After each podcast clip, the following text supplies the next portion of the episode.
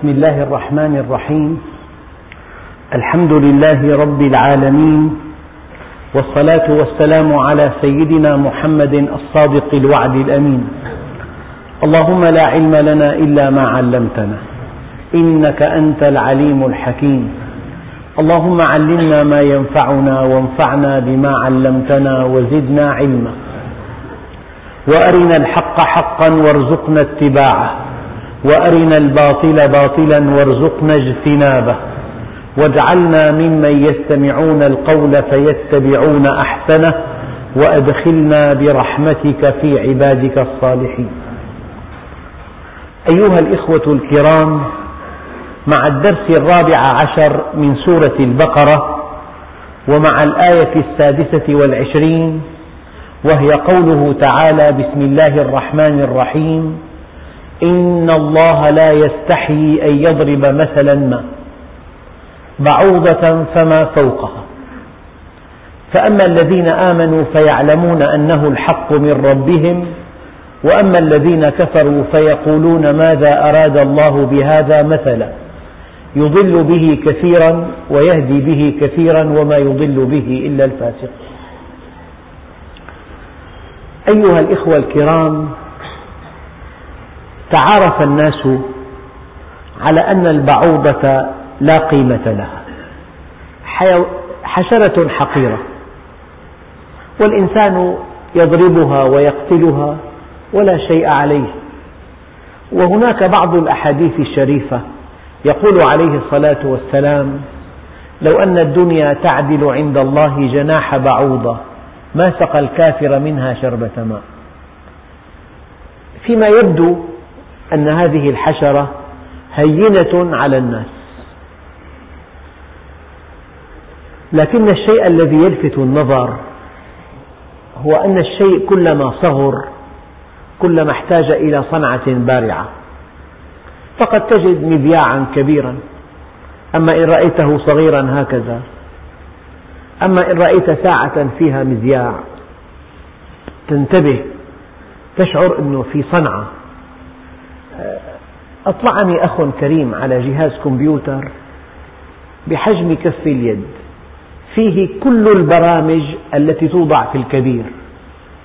وفي اتصال دولي وفي إنترنت. شيء لا يصدق بحجم صغير. فكلما صغرت الآلة كان وراءها صنعة بارعة. أحيانا هناك آلات تصوير تثبت في قداحة. تستخدم لأغراض خاصة. آلة تصوير وأحيانا آلة تصوير متحركة. أحيانا قطعة كحبة العدس تلتقط بها الأصوات وتسجل. فكلما صغر الشيء احتاج إلى صنعة بارعة. أحد العلماء قبل يعني أشهر عديدة وصل إلى جهاز يقيس عشرة مرفوعة إلى قوة 15 من أجزاء الثانية. يعني واحد أمامه 15 صفر. ستة وستة 12 وثلاثة 15 يعني ألف مليون مليون. جزء من الثانية. هي الثانية. ضربة واحدة. هل بإمكان إنسان أن يصل إلى تجزيء ثانية إلى ألف مليون مليون جزء. أعطي هذا الإنسان في جامعة بأمريكا الجائزة الأولى. الآن يمكن أن يقاس بهذا الجهاز زمن تفكك الذرة. وهناك تطبيقات كثيرة جدا. فالأمر كلما دق كلما ظهر من خلاله عظمة الصانع. طبعا الفيل كبير والحوت الأزرق كبير يلي فيه وزنه 150 طن. في 50 طن لحم و50 طن دهن و90 برميل زيت ووجبة الغذاء تبعه أربعة طن وإرضاع صغيره 300 كيلو كل رضعة شيء ضخم. أما حينما ترى نملة فيها دماغ وفيها ذاكرة. فيها جهاز هضم فيها جهاز إفراز فيها جهاز معرفة فيها جهاز شم وفي إلها نشاطات مخيفة. حينما ترى نحلة صغيرة حينما ترى بعوضة إن الله لا يستحيي أن يضرب مثلا ما بعوضة. البعوضة أيها الإخوة لها ثلاثة قلوب قلب مركزي وقلب لكل جناح. هذا القلب يمد الجناح بطاقة تجعله يرف أربعة آلاف رفة في الثانية. أربعة آلاف رفة بالثانية هذه البعوضة عندها جهاز رادار. ففي ظلمة الليل طفلان ينامان على سريرهما. البعوضة تتجه إلى الطفل مباشرة. دون أن تتجه إلى وسادة أو إلى ركن في الغرفة فعندها جهاز رادار يكشف لها الكائن الحي. فإذا وصلت إليه حللت دمه. هناك دم لا يناسبها. قد ينام أخوان على سرير واحد. يفيق أحدهما وقد أصيب بمئات لدغات البعوض والثاني سليم. إذا عندها جهاز تحليل دم تأخذ الدم الذي يناسبها وتدع الذي لا يناسبها. والبعوضة من أجل أن تأخذ هذا الدم لا بد من أن تميعه لأن الكرية الحمراء أوسع بلزوجتها من خرطوم البعوضة. فلا بد من أن تميع الدم حتى يجري في خرطومها. فإذا لدغت هذا الطفل صحى وقتلها. لا بد من أن تخدره. الإنسان متى يشعر بلدغ البعوضة بعد أن تطير؟ يضربها من دون فائدة. هي قد طارت فهذه البعوضة الصغيرة فيها جهاز رادار وجهاز تحليل وجهاز تمييع وجهاز تخدير. ولها جناحان يرفان أربعة آلاف رفة في الثانية. ولها ثلاثة قلوب قلب مركزي وقلب لكل جناح. والبعوضة بإمكانها أن تقف على سطح أملس عن طريق محاجم كهذه كالمشجب الذي يثبت على البلور بتفريغ الهواء. في مشاجب معه محجم تضغطه يتفرغ الهواء فيثبت. ولها مخالب هذه البعوضة. هناك بعض العلماء في الطيران أجرى مناورة موازنة بين أعظم طائرة صنعها الإنسان في المناورة وبين البعوضة فكانت البعوضة والذبابة عندها قدرات أعلى من أي طيارة صنعت. أنت هل تلاحظ الذبابة؟ تكون تطير بسرعة عالية تأخذ زاوية قائمة فجأة. وقد ترجع فجأة. وقد تصعد إلى عل فجأة والذبابة بإمكانها أن تحط على السقف. يعني السقف تضع أرجلها على السقف وتثبت الذبابة. فعندها قدرة على المناورة تفوق أعظم طائرة صنعها الإنسان. أنا مرة قرأت بموسوعة علمية عن الطيران موسوعة مترجمة من دار علوم بأمريكا محترمة جدا كتب على أول صفحة في هذه الموسوعة إن أعظم طائرة صنعها الإنسان لا ترتقي إلى مستوى الطائر. الطائر أحيانا يطير 86 ساعة بلا توقف. 86 ساعة بلا توقف. الطائر يقطع من شمال الكرة الأرضية إلى جنوبها تقريبا سبعة عشر ألف كيلومتر. يهاجر صيفا وشتاء. الطائر يهتدي إلى هدفه بشكل حتى الآن غير معروف. وضعت عشرات النظريات لتفسير اتجاه الطائر نحو هدفه. تفسير الجاذبية بطل. لم يقف على قدمين تفسير الشمس تفسير التضاريس. لذلك قال تعالى ما يمسكهن إلا الرحمن. عُذي طيران الطائر واتجاهه نحو هدفه إلى الله مباشرة. ما في نظرية صمدت. يعني يؤخذ الطائر قبل أن يرى النور. يؤخذ من لندن أو من بريطانيا ويرسل إلى الصين. والرحلات كلها شمال جنوب جنوب شمال. فهذا الطائر الذي ما رأى النور يطير من الصين إلى بريطانيا. الطائر الذي غادر مثلا عشه في دمشق وانتقل إلى جنوب إفريقيا فرضا في طريق العودة لو تغيرت الزاوية درجة واحدة لجاء في بغداد. درجة نحو اليسار جاء في القاهرة. يصل إلى دمشق وإلى حي الصالحية وإلى بيت في أحد أحياء حي الصالحية إلى عشه. ما هذه القدرة؟ ما يمسكهن إلا الرحمن. أيها الإخوة كلما صغر الجسم الآن الآن فيروس الإيدز يتحدى العالم كله. الإنسان بكبريائه بجبروته بتقدمه العلمي بإنفاقه المذهل على البحوث العلمية لم يستطع أن يصل إلى بطل مضاد للإيدز أن هذا الفيروس أضعف فيروس على الإطلاق. إذا خرج من الإنسان يموت بعد عشر, عشر سنتي يموت. لكنه إذا دخل الجسم يدخله بثياب مموهة يدخله بشكل الكرية البيضاء فلا أحد يعاكسها فإذا تمكن التهم كل الكريات البيضاء. قد يبذل ألف مليون دولار لتطوير أبحاث للوصول إلى مصل مضاد لهذا الفيروس بإمكانه أن يغير شكله فتذهب كل هذه الأموال أدراج الرياح. وله سلالات.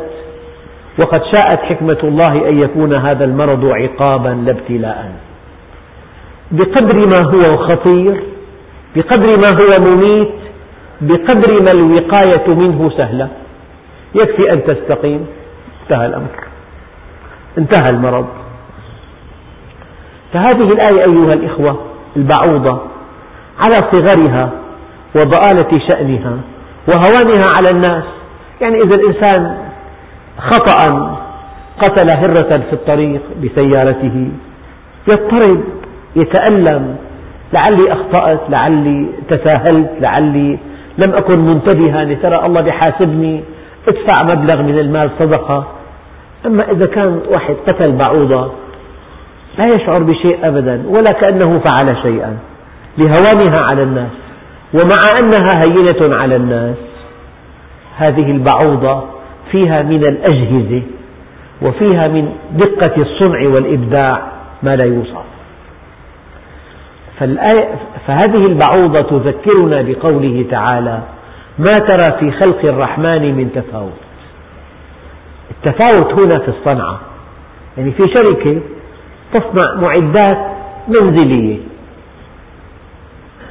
والشركة نفسها تصنع معدات صناعية. المعدات المنزلية استعمالها قليل جدا لذلك معدنها رخيص وأجهزتها بسيطة. أما المعدات الصناعية غالية جدا لأنها مصممة أن تعمل ليلا نهارا. فالمعمل يصنع مادة معتنى بها كثيرا ومادة معتنى بها قليلا. أما لو دققت في صنعة الله عز وجل لا تجد صنعة متقنة وصنعة أقل إتقانا. ما ترى في خلق الرحمن من تفاوت؟ التفاوت في الحجم قائم في بعوضة وفي فيل. هنا التفاوت في إتقان الصنعة. ليس هناك من تفاوت إطلاقا في إتقان الصنعة. فيا أيها الإخوة الكرام المؤمن كل شيء يدله على الله. في موضوع دقيق جدا. إنك إن أردت أن تعرف الله كل شيء يدلك عليه. وإن لم ترد أن تعرفه لو التقيت مع سيد الأنبياء رأيته رأي العين وجلست إليه وحدثته. لو رأيت منجزات العلم كلها الآن لو, لو ذهبت إلى أكبر مرصد في العالم. زرنا أخ اليوم حدثنا عن مختص بالفلك من أمريكا. حدثنا شيئا لا يصدق. يعني في بعض الشموس ألسنة اللهب طولها 150 ألف سنة ضوئية. اللهب في شموس تزيد عن حجم شمسنا 2.2 بليون مرة عن حجم شمسنا. يعني ذكر أرقام شيء لا يصدق. قلت سبحان الله هذا الإله العظيم. هذا الإله العظيم يعصى. إنما يخشى الله من عباده العلماء. ذكرت له كيف أن نجم قلب العقرب يتسع للأرض والشمس مع المسافة بينهما. ذكر أن هناك أكثر من ألف من مئة ألف آه، من مليون مليون مجرة. ومعنى مجرة يعني فيها قريب من مليون كوكب مليون كوكب.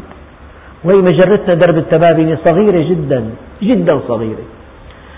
أيها الإخوة الكرام صنعة الله متقنة. في أكبر شيء صنعه وفي أصغر شيء صنعه. بل إن قوله تعالى وكل في فلك يسبحون هذه تشمل الذرة والمجرة. في الذرة هناك كهارب تسبح حول النواة. وفي المجرات هناك كتل كبيرة جدا تسبح حول مركز بسرعة قريبة من سرعة الضوء. فإن الله لا يستحي أن يضرب مثلا ما بعوضة فما فوقها. قال العلماء فما فوقها فما أصغر منها. فوقها في الصغر. البعوضة تراها بالعين. أما في كائنات الجراثيم لا تراها. والفيروسات أصغر. الحشرات تراها أما الجراثيم لا تراها. الجرثومة أصل الشيء. يعني المرض أصله الجراثيم. إنك لا تراها ولكن فعلها تراه. الفيروس أصغر من الجرثوم. الآن بعد اختراع المجاهر الإلكترونية المجهر يكبر أحيانا مئتي مرة. في مجهر أربعين ألف مرة. إيه، حينما يكبر الجلد غابة غابة فيها تلال ووديان وسهول وهضاب وأشجار هي الشعر. إذا كبرنا نقطة من الجلد إذا كبرنا نقطة من غشاء المعدة من جدار المعدة. إذا كبرنا نقطة من الدماغ الشيء الذي تراه شيء لا يصدق أبدا. الآن في صور لهذا المجهر الإلكتروني. يعني تجد الخلية الخلية بناء قائم بذاته عالم قائم بذاته. والخلية لا ترى بالعين. لذلك كلما صغر الشيء كان احتاج إلى صنعة عالية جدا. لهذا قال الله تعالى فلا أقسم بما تبصرون وما لا تبصرون. فالذي لا تبصره أضعاف الذي تبصره. يعني أنت إذا أمسكت بكأس ماء ماذا تبصر؟ ماء صافي ماء عذب فرات نقي شفاف. لو حللت لو صورت هذا الماء تحت المجهر لرأيت فيه من الكائنات الحية ما لا يحصى. من الكائنات الحية في الماء ما لا يحصى.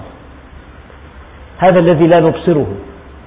فيا أيها الإخوة أراد الله سبحانه وتعالى من هذا المثل أن يلفتنا إلى أن هذا هذه الحشرات التي لا شأن لكم لا شأن لها عندكم هي مخلوقات عظيمة جدا. فليس هناك من حرج أن يضربها الله مثلا. لكن أريد أن أثبت هذه الحقيقة. يعني سأتصور إنسان ذكي جدا. يحمل أعلى شهادة في الأرض. يعمل في الكيمياء.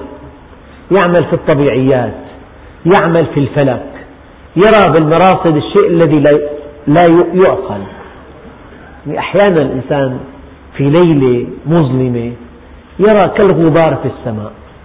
هذا الغبار هي المجرة يعني ملايين الملايين من الكواكب على شكل غبار ترى.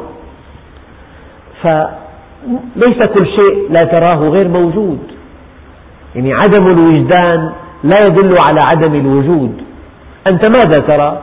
ترى الشمس تشرق هي ثابتة. أنت الذي تدور. الشمس تدور حول نقطة. الله قال وكل في فلك يسبحون. كم تستطيع الشمس أن تتم دورتها؟ بمئتين مليون سنة. من أجل أن تدور دورة حول كوكب ما الشمس تحتاج إلى 200 مليون سنة. فالحقيقة نحن في كون لا ينتهي. ذكرت قبل قليل 300 ألف بليون سنة ضوئية. ما هذا الرقم؟ مجرة تبعد عنا 300 ألف بليون سنة ضوئية. هذه عظمة الله.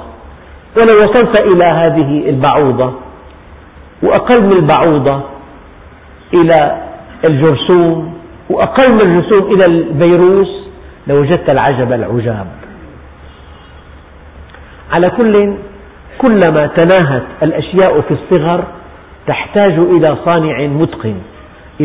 فيها صنعة دقيقة والأشياء الصغيرة غالية جدا.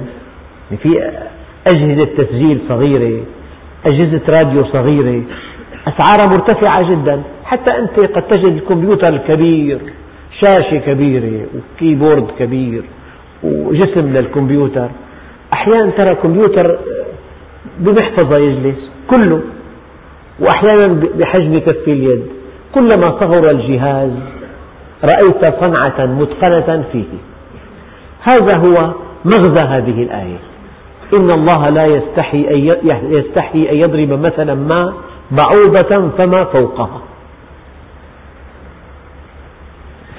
فما فوقها فما أصغر منها. هكذا قال العلماء. قال فأما الذين آمنوا فيعلمون أنه الحق من ربهم. هنا. الإنسان إذا أراد معرفة الحقيقة دله عليها كل شيء.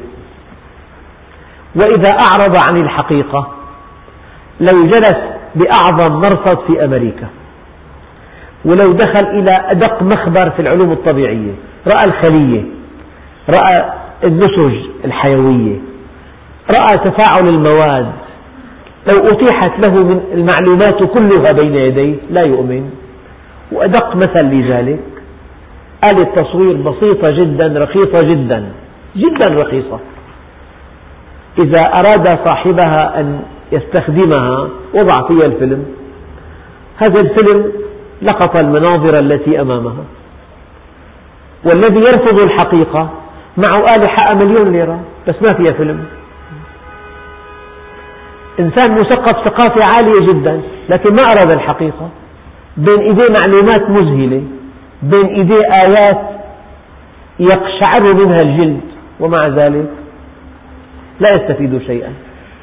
فالعبرة أن أنك أنت إذا أردتها وصلت إليها وإن لم تردها بعوضة يسمع هذه الآية إنسان فاسق يقول ماذا أراد الله بهذا مثلا؟ هذا قرآن هذا. الكفار قالوا؟ الإله العظيم. يذكر بعوضة يذكر ذبابة يذكر العنكبوت. معقول إله عظيم يذكر هذا في, كلامه؟ فأما الذين كفروا فيقولون ماذا أراد الله بهذا مثلا؟ قال كل شيء في الكون حيادي. يضل به كثيرا ويهدي به كثيرا. آية واحدة. يرفضها إنسان ويهتدي بها إنسان. آية واحدة.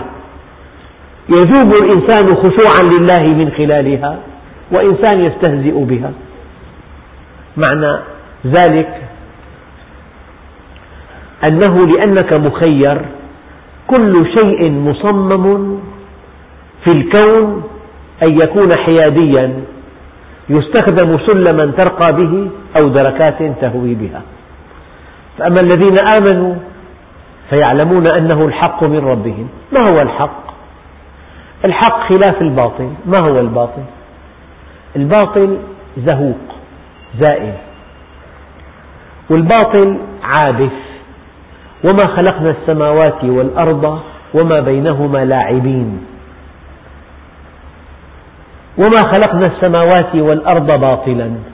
فربنا عز وجل نفى أن يكون خلق السماوات والأرض باطلا. الباطل الشيء الزائل. ونفى أن يكون خلق السماوات والأرض عبثا. فالعبث الشيء غير الهادف ولكن الله جل جلاله خلقهما بالحق. فالحق يتناقض مع الباطل ويتناقض مع العابث. فالحق لا عبث فيه ولا بطلان. الشيء الثابت الهادف إذا قلنا خلق السماوات والأرض بالحق أي لابس الحق خلق السماوات والأرض. يعني أحيانا ننشئ جناح بمعرض لأسبوعين من قماش نساوي؟ قماش. أما حينما ننشئ جامعة من حجر هذه الجامعة أنشئت لتبقى. أما هذا الجناح في المعرض أنشئ ليهدم بعد أسبوعين. فكلمة بالحق يعني الله عز وجل خلق الكون ليبقى. قال كل نفس ذائقة الموت. النفس تذوق الموت ولا تموت. تذوقه. وفرق كبير بين أن تذوق النفس الموت وبين أن تموت. النفس تخلد إما في جنة يدوم نعيمها أو في نار لا ينفد عذابها. فصارت القضية تريد الحقيقة كل شيء يدلك على الله. حتى البعوضة حتى الذبابة حتى النملة.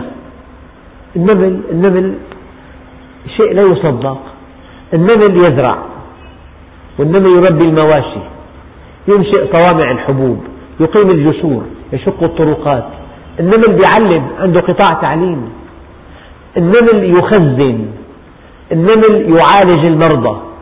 في عند النمل مكتب دفن الموتى. تسحب النملة الميتة وتدفن. في عند النمل جيش يحرس الملكة ويرد العدوان.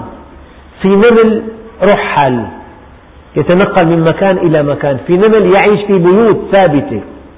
في نمل يعيش على العمل. في نمل يعيش على الغزو. في شيء بالنمل لا يصدق. النملة في عندها جهاز ضخ وجهاز مص. فإذا لقيت نملة جائعة وضعت فمها في فمها وضخت لها من خلاصة غذائها. الإنسان بس في عنده. ضخ ما في عنده. جهاز مص وجهاز ضخ. والله في شيء عن النمل يكاد لا يصدق. النملة إذا رأت أنها في خطر ترسل إشارة كيميائية إلى من حولها. إذا كان موتها محقق ترسل, ترسل إشارة تحذير. ابتعدوا عن المجزرة. وإذا كان نجاة محققة ترسل إشارة استغاثة تعالوا إلي أنقذوني. والله عز وجل أثبت لها الكلام وأثبت لها المعرفة. قالت نملة يا أيها النمل ادخلوا مساكنكم لا يحطمنكم سليمان وجنوده وهم لا يشعرون. والنملة اجتماعية. النملة إذا وضعتها في بيت فيها طعام وشراب كامل تموت بعد عشرين يوما. وحشة. تموت وحشة. وفي نظام دقيق جدا للنمل. قال أمم أمثالكم. ما فرطنا في الكتاب من شيء. والنحل بترقص رقصة بتحدد مكان الأزهار والمسافة والجهة. وفي رقصة ثانية الكثافة. الجهة والمسافة والكثافة برقصة أيها الإخوة في به الآية موضوع خطير جدا. يقول الله عز وجل فأما الذين آمنوا فيعلمون أنه الحق من ربهم وأما الذين كفروا فيقولون ماذا أراد الله بهذا مثلا. يعني مثل واحد آية كونية حشرة حيوان نبات هذه الآية أناس يؤمنون بالله من خلالها وأناس يستهزئون بها. فبين أن تؤمن وبين أن تستهزئ مسافة كبيرة جدا جدا كبيرة. فمن فما السر في ذلك؟ لماذا فلان قرأ عن البعوضة فبكى خشوعا لله؟ وإنسان سمع هذه الآية فاستهزأ. ماذا أراد الله بهذا مثلا؟ أيام تتكلم بكلام أمام جمع. إنسان بأيدك إنسان يعترض عليك. إنسان يقبل إنسان يرفض. ما سر ذلك؟ الجواب هنا. قال فأما الذين آمنوا بالله فيعلمون أنه الحق من ربهم. ما معنى آمنوا؟ يعني اتخذ قرار بالإيمان. أراد الحقيقة. إن أردت الحقيقة كل شيء دلك على الله. وأما الذين كفروا يعني أعرضوا عن طلب الحقيقة ما بده الحقيقة بده الشهوة. فيقولون ماذا أراد الله بهذا مثلا؟ لأعود مع إنسان طالب الحقيقة. أحكي له على المجرات ببكي إنسان ثاني لك قد سعر الدولار اليوم؟ هالموضوع كله ما له علاقة فيه. يهمه سعر العملات البيوت السيارات التجارة الربح الشهوات المقاصف فكل إنسان له طلب. فالذي أراد الحقيقة كل شيء يدله على الله والذي ما أرادها يستهزئ بها. فأما الذين آمنوا فيعلمون أنه الحق من ربهم وأما الذين كفروا فيقولون ماذا أراد الله بهذا مثلا؟ والحقيقة الشيء الواحد يضل به كثيرا ويهدي به كثيرا. فالتغير من الشيء أم من الإنسان؟ ليس من الشيء الشيء واحد بعوضة. إنسان ازدادت معرفته بالله من خلالها إنسان استهزأ بها. والبعوضة هي هي معنى التبدل ليس من البعوضة من الذي ينظر إليها. وما يضل به إلا الفاسقين. الإنسان حينما يفسق لا يحب الحقيقة. حينما يفسق يرد الحق. حينما يفسق يستهزئ بالآيات. حينما يفسق يشمئز إذا ذكر الله وحده. حينما يفسق تأخذه العزة بالإثم. فصار في عندنا معنى خطير جدا. قبولك للحق أو رفضك له متعلق باستقامتك. قبولك للحق أو رفضك للحق له علاقة باستقامتك. أنه غير المستقيم يدافع عن انحرافه. غير المستقيم اختل توازنه. كيف يستعيده؟ يقول هؤلاء الدينون على خطأ عظيم. حتى يتوازن. دائما وأبدا. المنحرف يطعن بالمستقيم حتى يرتاح. لا يرتاح إلا إذا طعن بالمستقيم. الكافر يطعن بالمؤمن حتى يتوازن. فلذلك الشيء واحد آية واحدة. الشمس القمر الليل النهار الفيل الحوت البعوضة النملة الذبابة العنكبوت. هل تصدق أن العنكبوت تنسج خيط؟ لو سحب الفولاذ بقطر هذا الخيط لكان خيط العنكبوت أمتن من الفولاذ. لو تمكنا أن نسحب خيطا من الفولاذ بقطر خيط العنكبوت. لكان خيط العنكبوت أمتن من الفولاذ. وأضعف بيت بيوت العنكبوت الضعف اجتماعي. أنه في خلاف عميق جدا بين الزوجين. فبيت العنكبوت ضعيف لأنه في انهيار داخلي. أما خيط العنكبوت متين جدا. أيها الإخوة آية واحدة. مؤمن يطير إلى الله بها يذوب خشوعا بها إنسان آخر يستهزئ. التفسير إن أردت الحقيقة كل شيء يدلك عليها وإن رفضتها لو رأيت الآيات كلها وجها لوجه. لا تستفيد. أليس هناك أناس عاشوا مع النبي؟ هل هناك في البشرية كلها إنسان أعظم من النبي؟ من خلقه. فصاحته علمه أدبه أخلاقه نورانيته ومع ذلك هناك من عاداه وهناك من كرهه وهناك من قاتله. فصار في معركة أزلية أبدية بين الحق والباطل. المؤمن أذكر له آية كونية لك لا لا تضيع وقتك. شيء واضح تمام. إذا أنت متحمس لآية كونية متحمس لقضية دينية متحمس لعمل إسلامي كبير لا يلقى عند الكافر إلا السخرية والاستهزاء. ويلقى عند المؤمن التعظيم والإكبار والعمل واحد. فصار التحول ليس من الشيء من الإنسان. إن أردت الحقيقة عرفتها. أعانك عليها كل شيء. إن رفضتها ما من حقيقة يمكن أن تقنعك عندئذ.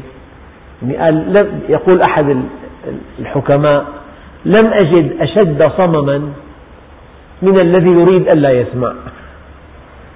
الذي يريد ألا يسمع أشد الناس صمما. فالكافر رفض الحقيقة.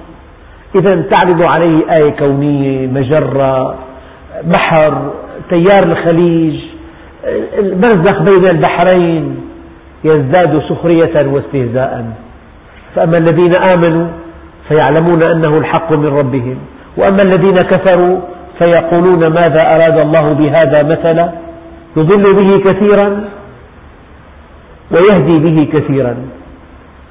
أما الشيء الخطير والله أيها الإخوة مفتاح الآية بهالكلمة وما يضل به إلا الفاسقين. شوف إن فسق الإنسان رد الحق وإن آمن قبل الحق وجرب اجلس مع إنسان أخلاقي مستقيم.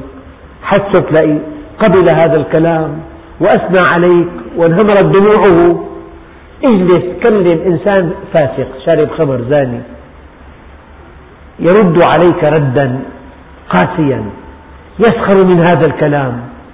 معنى ذلك المؤمن المستقيم عنده استعداد لقبول الحق.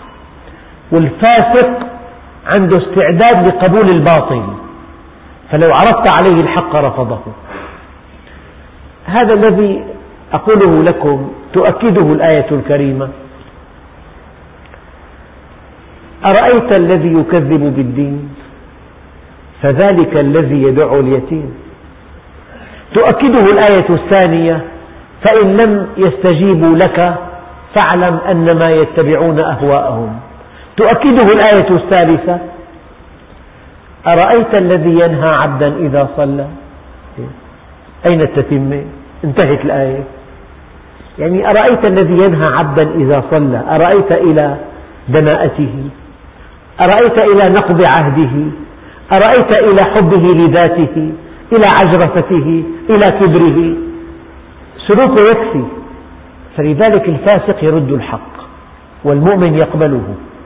الفاسق تتأبى نفسه أن يقبل الحقيقة.